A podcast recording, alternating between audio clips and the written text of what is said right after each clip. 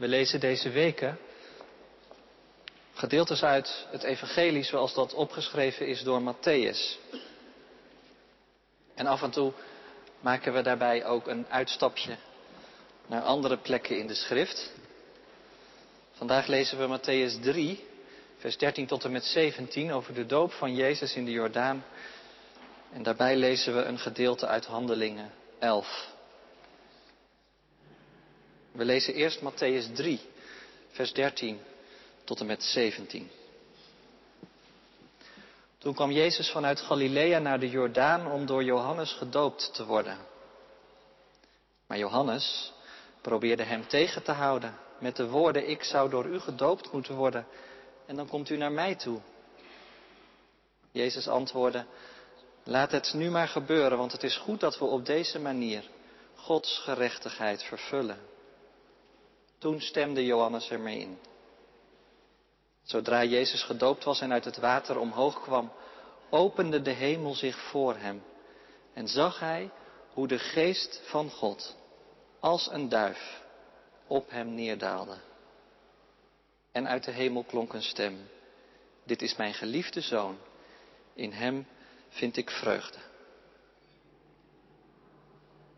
Over die geest lezen we in Handelingen 11. We lezen Handelingen 11 vanaf vers 1 tot en met 18.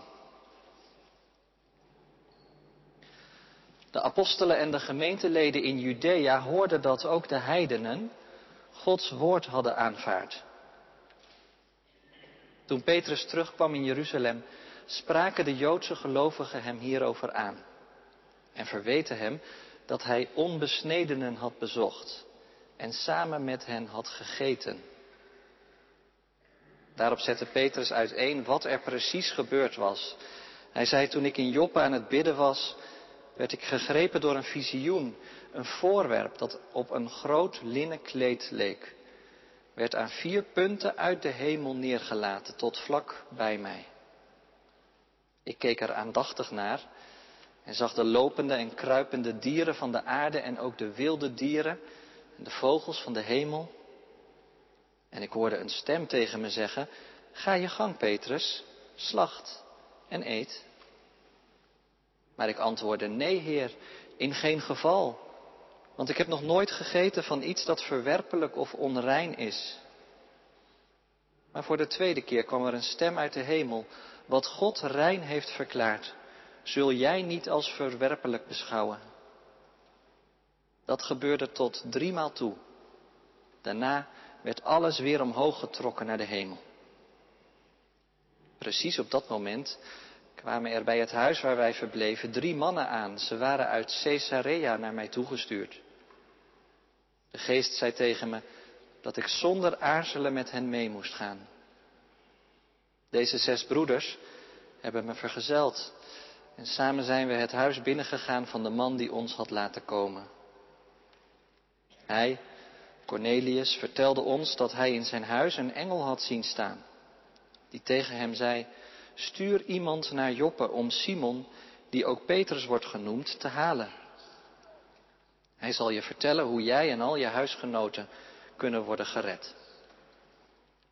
Ik was nog maar nauwelijks begonnen te spreken of de Heilige Geest daalde op hen neer, zoals destijds ook op ons. En ik herinnerde me dat de Heer tegen ons zei, Johannes doopte met water, maar jullie zullen gedoopt worden met de Heilige Geest. Als God hun, wegens hun geloof in de Heer Jezus Christus, hetzelfde geschenk wilde geven als ons, hoe had ik hem daar dan van kunnen weerhouden? Toen ze dat gehoord hadden, waren ze gerustgesteld. En ze loofden God met de woorden, dan geeft God dus ook de heidenen de kans om tot inkeer te komen en het nieuwe leven te ontvangen. Dit is het woord van God. De verkondiging gaat over het gedeelte dat we gelezen hebben. Handelingen 11, vers 1 tot en met 18. We kunnen vers 16 en 17 onderstrepen. Een herinnering van Petrus. Ik herinnerde me dat de Heer tegen ons zei, Johannes doopte met water, Maar jullie zullen gedoopt worden met de Heilige Geest. Dat zei Jezus bij zijn hemelvaart. Handelingen 2. Als God hun wegens hun geloof in de Heer Jezus Christus hetzelfde geschenk wilde geven als ons, hoe had ik Hem daar dan van kunnen weerhouden? Gemeente van Christus, gasten in ons midden. In Handelingen 11 wordt Petrus op het matje geroepen. Bij de allereerste kerkenraad ter wereld. Ze hebben een paar vragen voor deze leerling van Jezus. Hij is immers een grens overgegaan die hij nooit had mogen overgaan. Tafelgemeenschap hebben met een Romein. En dat als Jood. Petrus heeft wat uit te leggen. En dat zal hij geduldig en met verve doen. Het gedeelte dat we gelezen hebben, Handelingen 11, vers 1 tot en met 18, geeft er verslag van. Wat Jezus zegt in die vergadering. Je zou het boek Handelingen uh, wel de biografie van de kerk kunnen noemen. Deel 1 dan. De kerk, de vroege jaren, zoiets. Het is het geboorteverhaal van de christelijke gemeente. En je ziet die gemeente langzaam maar zeker tot geestelijke volwassenheid groeien. En dat gaat net als in het echte leven niet zomaar vanzelf, niet zonder slag of stoot. Wie groeit, die moet allerlei grenzen over. Drempelgebeurtenissen noemen we dat. Die je misschien af en toe wel helemaal verwarren en in het diepe gooien. Maar waardoor je tot rijpheid komt. En tot waardevolle kennis. Tot volwassenheid. En in de kerk zeggen we dan tot geestelijke volwassenheid. En een van die drempelgebeurtenissen is wat we lezen in Handelingen 10 en waarvan Handelingen 11 dan een verslag doet. En je zou het wel het Pinksteren van de heidenen kunnen noemen. Natuurlijk is er Pinksteren geweest in Jeruzalem, maar hier gebeurt iets vergelijkbaars. In Caesarea, Caesarstad. Het Pinksteren van de heidenen. En we gaan kijken wat die gebeurtenis ons te zeggen heeft. Voor ons aan het begin van een nieuwe week, op de drempel van een nieuwe week. En in het bijzonder voor jullie, aan de drempel van het ambt. Ik was aan het bidden in Joppe, zegt Petrus. En ineens raakte ik in een soort van trance. Er kwam een alomvattend laken uit de hemel. En met op dat laken Allerlei dieren die door elkaar krioelden. Reine en onreine, heel opvallend. Want die twee categorieën die kunnen toch helemaal niet bij elkaar in één doos, op één laken, die mogen elkaar niet raken. En ik hoorde een stem die me nota bene opdroeg om al die dieren te slachten en ze op te eten. Zowel de reine als de onreine. En ik heb het resoluut geweigerd. Begrijpelijk. Want je moet weten dat in het Jodendom de wetten rond rituele reinheid alle aspecten van het leven beheersten. Er was eigenlijk maar één vraag van belang. Verkeer jij in zo'n toestand dat je rein bent? Zodat je in de nabijheid van God kunt komen. Mag komen. Want alleen als je rein bent kun je heilig zijn. Apart gezet. Toegewijd aan de God van hemel en aarde. Alleen dan heeft je leven een bestemming en een doel. En dan gaat het niet alleen om jou, je persoonlijk leven, maar je bent onderdeel van een groter geheel, een volk. Een volk dat door God uit de volkerenwereld is gekozen om rein en heilig te zijn. Een volk dat een bestemming heeft. En door haar dagelijks dieet werd Israël aan die bestemming herinnerd, steeds weer. Iedere maaltijd. En dus deinst Petrus terecht terug. Als hij dat laken uit de hemel ziet komen. En als er een stem is die hem oproept om alle dieren die hij op dat laken ziet op de menukaart te zetten. Ik denk dat zijn maag zich omkeerde bij dat idee. Toen wij in Azië woonden, kreeg ik regelmatig een kippenklauw, een zeekomkommer of een bokje, blokje buikvet op mijn bord. En ik kan me herinneren dat alles in me zich verzette om die Chinese delicatessen in mijn mond te stoppen. Maar bij Petrus gaat het nog wel wat dieper. Er komt een ethische, een morele, een geloofscomponent bij. Dat nooit. Dat is een grens die ik niet over kan en die ik niet over wil en die ik niet over mag. En het is ook niet een grens die ik zelf heb gesteld, het is een door God gegeven grens. Als je erover nadenkt, ik vind die vroomheid van Petrus eigenlijk wel mooi. Gelukkig is hij geen gelovige van anything goes. Van dat flauwe relativisme waardoor het lijkt alsof niets er meer toe doet. En toch, toch moet Petrus deze grens over. En is het God zelf die de regels verandert. Wat God gereinigd heeft, mag jij niet als verwerpelijk beschouwen, alsof de geest Petrus een duwtje moet geven. In de juiste richting. Hem over de grens moet trekken. Dat laken uit de hemel, dat wordt vastgehouden aan de vier punten van de aarde, zou je kunnen zeggen. Aan de vier windrichtingen. Je mag er best iets van de hele aarde in zien. Al die wezens met hun vreemde staarten, hun vachten en hun veren. Het zijn net de vreemde vogels en de rare kostgangers uit de volken buiten de landsgrenzen van Israël. Maar horen die er dan nu allemaal bij? Dat is schokkend voor Petrus. Maar voor ons, let wel, gelovigen uit die vreemde volkenwereld, is het ongelooflijk bemoedigend. Ongekend en ongedacht en onverwacht dat ook wij erbij mogen horen. Dat de grens tussen Jood en Heiden vervaagt. Dat zie je hier gebeuren. Dankzij Gods geest. Gods geest die de enige werkelijke legitimatie kan zijn van zo'n diep ingrijpende grensoverschrijding. Maar als die geest spreekt, dan is het klip en klaar voor Petrus. Hij overwint zijn weerstand en hij reist mee. Hij gaat naar Caesarea zonder aarzelen. En zo komt hij in Caesarea aan en ontmoet daar een Romein, Cornelius. Hij zegt tegen hem, God heeft me duidelijk gemaakt dat ik geen enkel mens als onrein mag beschouwen. Want God maakt geen onderscheid. Hij gaat niet af op de buitenkant.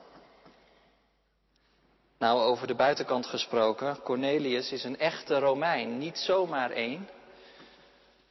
Je ziet het aan zijn naam en aan zijn functie en aan de stad waar hij woont. Caesarea bepaalt geen kleine nederzetting, belangrijk ook. Een strategische plek waar een Romeins legioen gelegerd was die de vrede in het Midden-Oosten moest bewaken. Je ziet Cornelius als het ware lopen door de straten. Een sterke man, dat moet wel. In een prachtig tenue. Representant van het machtige Romeinse Rijk. En toch is Cornelius, als je leest in Handelingen 10, meer dan alleen maar een Romein. Hij is een man van twee werelden. Hij is ook sympathisant van de Joodse godsdienst. Dat zie je omdat hij liefdadigheid bewijst aan de Joden, maar ook omdat hij blijkbaar omgang kent met God. Cornelius is nieuwsgierig, geïnteresseerd, een out-of-the-box denker. Maar dat maakt hem eigenlijk in beide werelden een buitenstaander, zowel in de Romeinse wereld als in de Joodse wereld, zoals je dat wel vaker hebt met van die grensbewoners. Die mensen die niet zo 1, 2, 3 in een hokje te duwen zijn. Ik moest denken aan de discussies over prins Harry en Meghan Markle. Die deze week aankondigden om afstand te nemen van het Britse koningshuis. De Amerikaanse Meghan die aan de ene kant zoveel op de gewone Brit lijkt, maar aan de andere kant ook zo uit de pas loopt, omdat ze onconventionele keuzes maakt. En samen met haar man letterlijk de grens overgaat. Nou, je ziet het Cornelius ook doen. Maar het brengt hem wel in een lastige situatie. Ik las ergens, de vroomheid van deze man maakt zijn onbesnedenheid nooit ongedaan. Dat is dan, als je vanuit het Joodse frame naar zijn gelovigheid kijkt, wel de enige conclusie die je kan trekken. Terwijl hij toch een soort van omgang met God kent. Maar hij blijft een outsider. Totdat, en dat is het verrassende, een engel zijn binnenruimte binnentreedt. Om hem te vertellen dat zijn gebeden en zijn liefdadigheden zijn opgestegen tot God. Daar proef je de taal in van het offer. Het offer van Cornelius, de heiden, de Romein, is blijkbaar door God als een heilig, rein offer aangenomen. Laat Simon Petrus halen, zegt die engel. En hij zal aan jouw offer een woord toevoegen. Het evangelie. Zodat je zult inzien hoe je werkelijk tot geloof kunt komen. Dat is dus het tweede ingrijpen van boven in één hoofdstuk in de Bijbel. Eerst al dat laken, dat visioen. En dan nu die engel die tegen Cornelius spreekt. Zie je hoe de geest hier werkt op manieren die wij nooit voor voorspelbaar zouden kunnen houden? En dat wordt pas echt duidelijk als Petrus het evangelie daadwerkelijk heeft verteld. Daar wist Cornelius blijkbaar nog niet zoveel van af, maar, maar Petrus is nog niet uitgepraat of er ontstaat een nieuw Pinkstergebeuren, extatisch. Pinksteren van de heidenen. Een grensoverschrijding van je welste. De Heilige Geest viel op alle die het woord hoorden. Dus op Cornelius en op zijn hele huis en zijn hele huishouding.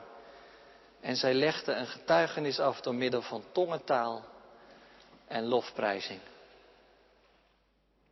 Zie je het voor je? Een huis vol met Romeinen die ineens God gaan loven en prijzen, ongehinderd door enige kennis van zaken, tongentaal, je kunt er geen touw aan vastknopen. Maar voor Petrus en de Joden is het duidelijk. Nu is de gave van de Heilige Geest ook over de volken uitgestort. De Geest zelf heeft de uiterste consequentie getrokken uit wat er in Christus was gebeurd. En dat verlossende werk is blijkbaar te explosief om binnen de grenzen te blijven. Dat moet er doorheen, dat moet eruit, dat moet de wereld in. Jullie zullen kracht ontvangen. Van Judea naar Samaria, tot aan de uiterste van de aarde. Totdat het dus gewoon niet meer verder kan. Ik vind het ongelooflijk dat die kerkenraad in Jeruzalem, als ze dit getuigenis horen, hun aanvankelijke reserves laten varen. Blijkbaar kan dat, dat je zo onder indruk komt van een getuigenis, dat je de grens van je eigen skepsis en bedenkingen overgaat. Dat vraagt wel wat van je, in ieder geval een ontvankelijkheid voor de grote daden van God, dat je daar nog echt in gelooft, dat het kan.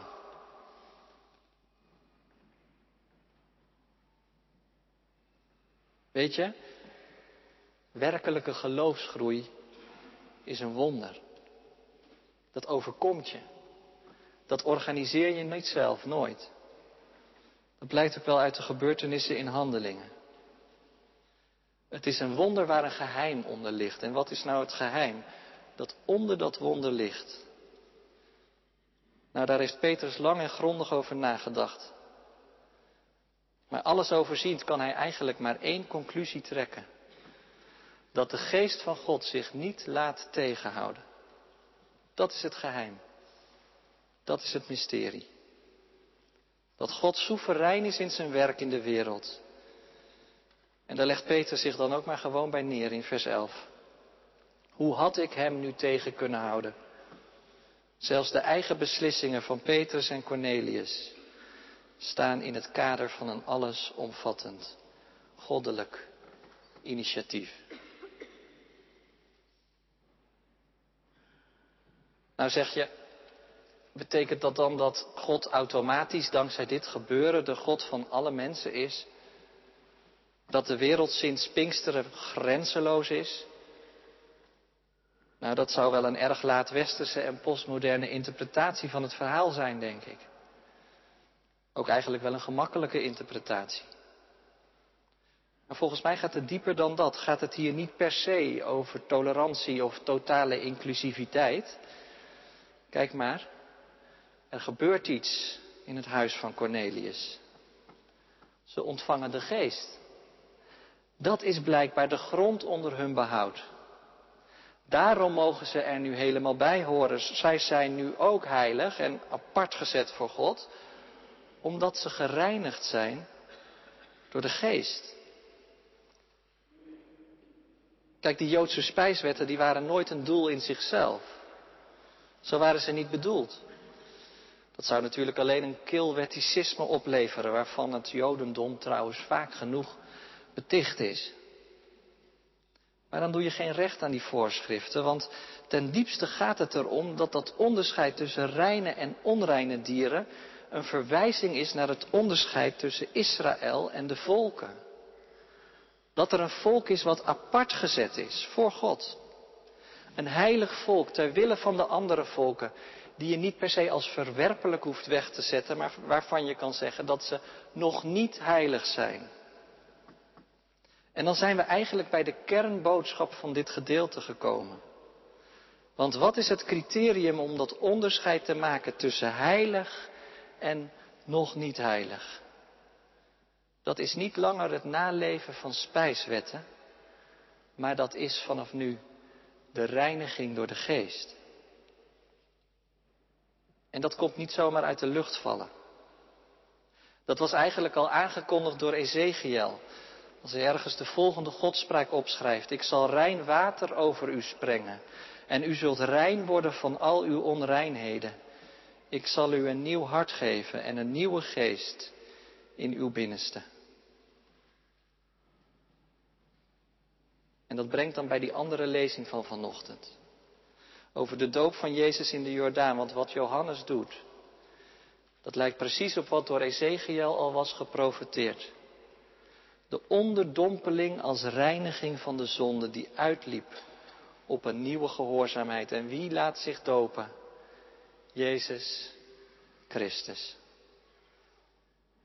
En vervolgens wordt hij begiftigd met de kracht van de geest. Komt er iets uit de hemel, een duif. De kracht van de geest die Jezus vervult, zodat hij met kracht zijn werk op aarde kan doen. Zodat hij de reinheidswetten voor goed kan vervangen door het offer van Hemzelf, zodat de zonden vergeven worden en er een nieuwe schepping ontstaat, een koninkrijk van priesters, een rijk zonder buitengrenzen.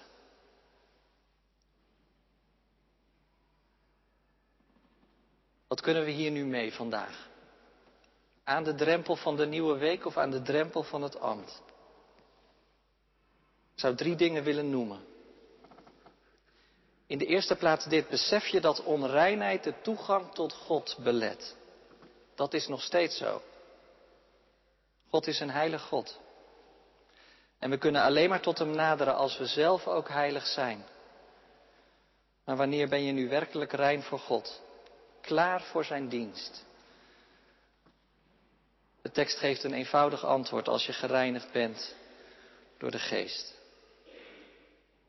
In de tempel in Jeruzalem werden de potten voor de tempeldienst helemaal ondergedompeld in het water. En zo werden ze gereinigd. Het Griekse woord voor dopen herinnert nog steeds aan dat gebruik. Maar sinds Christus is die tempeldienst voor goed vervuld. En is er een andere onderdompeling voor in de plaats gekomen, de afwassing van de zonde. Wie in Hem gelooft, is rein, heilig en apart gezet. Ik hoop dat je je daarvan bewust bent als je gedoopt bent. Wat een dure roeping dat eigenlijk is. En dan het tweede, het onderscheid tussen rein en onrein, tussen heilig en profaan, is dankzij dit Christus gebeuren veranderd. Je zou kunnen zeggen, de harde grenzen zijn vervaagd. Ze zijn poreus geworden. Als de gemeente van Christus heilig is, dan is alles wat er omheen ligt nog niet heilig. En worden wij uitgenodigd om die grenzen over te gaan, om anderen voor Gods dienst te winnen. Dat geldt vanmorgen heel speciaal voor jullie als je op de drempel van het ambt staat. Geloof me, je zult allerlei grenzen tegenkomen. Soms heel letterlijk, soms heel figuurlijk. Sommige grenzen wil je misschien helemaal niet over of durf je niet over. Toch zou het zomaar kunnen dat de geest het van je vraagt. Ben je bereid om je door die geest te laten leiden? En er speelt ook nog wat anders als het over die grenzen gaat. En dat geldt eigenlijk voor ons allemaal, namelijk dat die grens tussen heilig en seculier ook in ons leven door de week vervaagt. Las ergens dat je werkte nu een priesterkleed wordt en de kantoortuin een voorhof van de tempel. Dat er dus geen onderscheid is tussen de heilige zondag en de rest van de week. En dat de muur tussen de kerk en de wereld ook niet al te dik mag zijn. En de drempel te hoog. Ben je de rest van de week net zo heilig als je vanochtend bent? Daarvoor is het noodzakelijk dat je heel dicht bij God leeft. En dat brengt dan eigenlijk bij de laatste stap. Het laatste wat ik mee zou willen geven. Gods geest komt in dit verhaal heel diep in mensen. Zowel in Petrus als in Cornelius. Je zou kunnen zeggen, hij komt in zones van het bestaan die bepalend zijn voor hoe ze denken, voelen en geloven. En voor welke grenzen ze halt houden.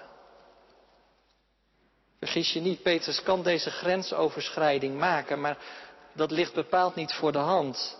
En waarom lukt het hem dan toch? Omdat de geest blijkbaar diep van binnen iets in hem losmaakt. En datzelfde geldt voor Cornelius, die statige Romein, die ineens in zijn extatische aanbidding zichzelf helemaal laat gaan. Dat is toch bijzonder? Zouden wij dat ook kunnen leren? Zouden wij dat ook durven? Hoe dan? Nou, volgens mij door vol verlangen Gods woord te lezen. En door verankerd te zijn in het gebed. Dat geldt voor ons. Dat geldt voor jullie. Ik vond het wel mooi om jullie brieven te lezen, nog eens van de week. We hebben de gewoonte hier in de kerkenraad dat nieuwe ambtsdragers een brief schrijven, waarin ze iets vertellen over hun beweegredenen om het ambt te aanvaarden. En ik proefde in jullie brieven iets, iets van die geheimzinnige bevlogenheid van de geest. Dat je, hoewel de benoeming jullie in sommige gevallen erg heeft verrast, toch op die roep in wilt gaan. Iemand schreef zo'n ambt paste niet per se binnen de parameters van ons leven. Maar goed, ja zeggen doe je blijkbaar met je hart. En een ander schreef, ik zie het als Gods leiding dat ik eerder nevenactiviteiten heb gedaan die precies passen bij wat nodig is om deze taak goed uit te voeren. En weer een ander schreef, ik doe het graag. Punt. Zonder te begrijpen waarom ik dit zo kan zeggen. Moet het niet wat voorzichtiger worden geformuleerd? Maar het is goed zo en eerlijk gezegd, ik wil er ook niet te lang bij stilstaan. Prachtig toch? Wat een zegen om die bevlogenheid bij jullie te proeven. Is dat niet iets van het werk van de geest? Verrassend en onthullend. De geest die je tot de overtuiging brengt dat het gewoon goed is om in de dienst van Christus te staan. Dat je gewoon graag in de kerk wilt zijn, zoals een ander schreef. Het huis van God, het huis van de aarde, van de wereld, waar alles op zijn plek valt en waar ik zelf struikelend op mijn plek val. Dat je bijna de grens overstruikelt. Struikelt over de drempel. Maar het brengt je waar God je hebben wil. Gods geest doorbreekt de grenzen. Waardoor prijs God de weg geopend wordt naar de Vader en naar elkaar. Zo is het goed om samen gemeente van Christus te zijn. En zo alleen kunnen jullie volmondig ja zeggen tegen de roep van God. Amen.